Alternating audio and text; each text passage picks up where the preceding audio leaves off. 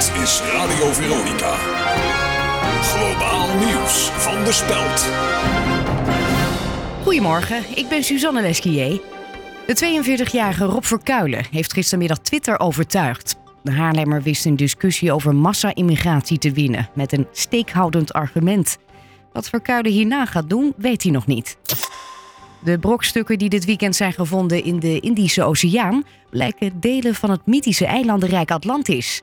De vermissing van het verdwenen vliegtuig van Malaysian Airlines blijft daardoor een mysterie. Volgens de Maleisische premier Razak biedt de ontdekking van de tempel van Poseidon weinig tot geen aanknopingspunten over de locatie van het vliegtuig.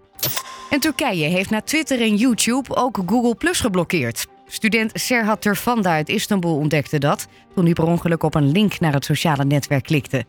Turfanda informeerde Google dat na enig onderzoek concludeerde dat de blokkade al sinds eind november van kracht is. Tot zover, meer nieuws op speel.nl.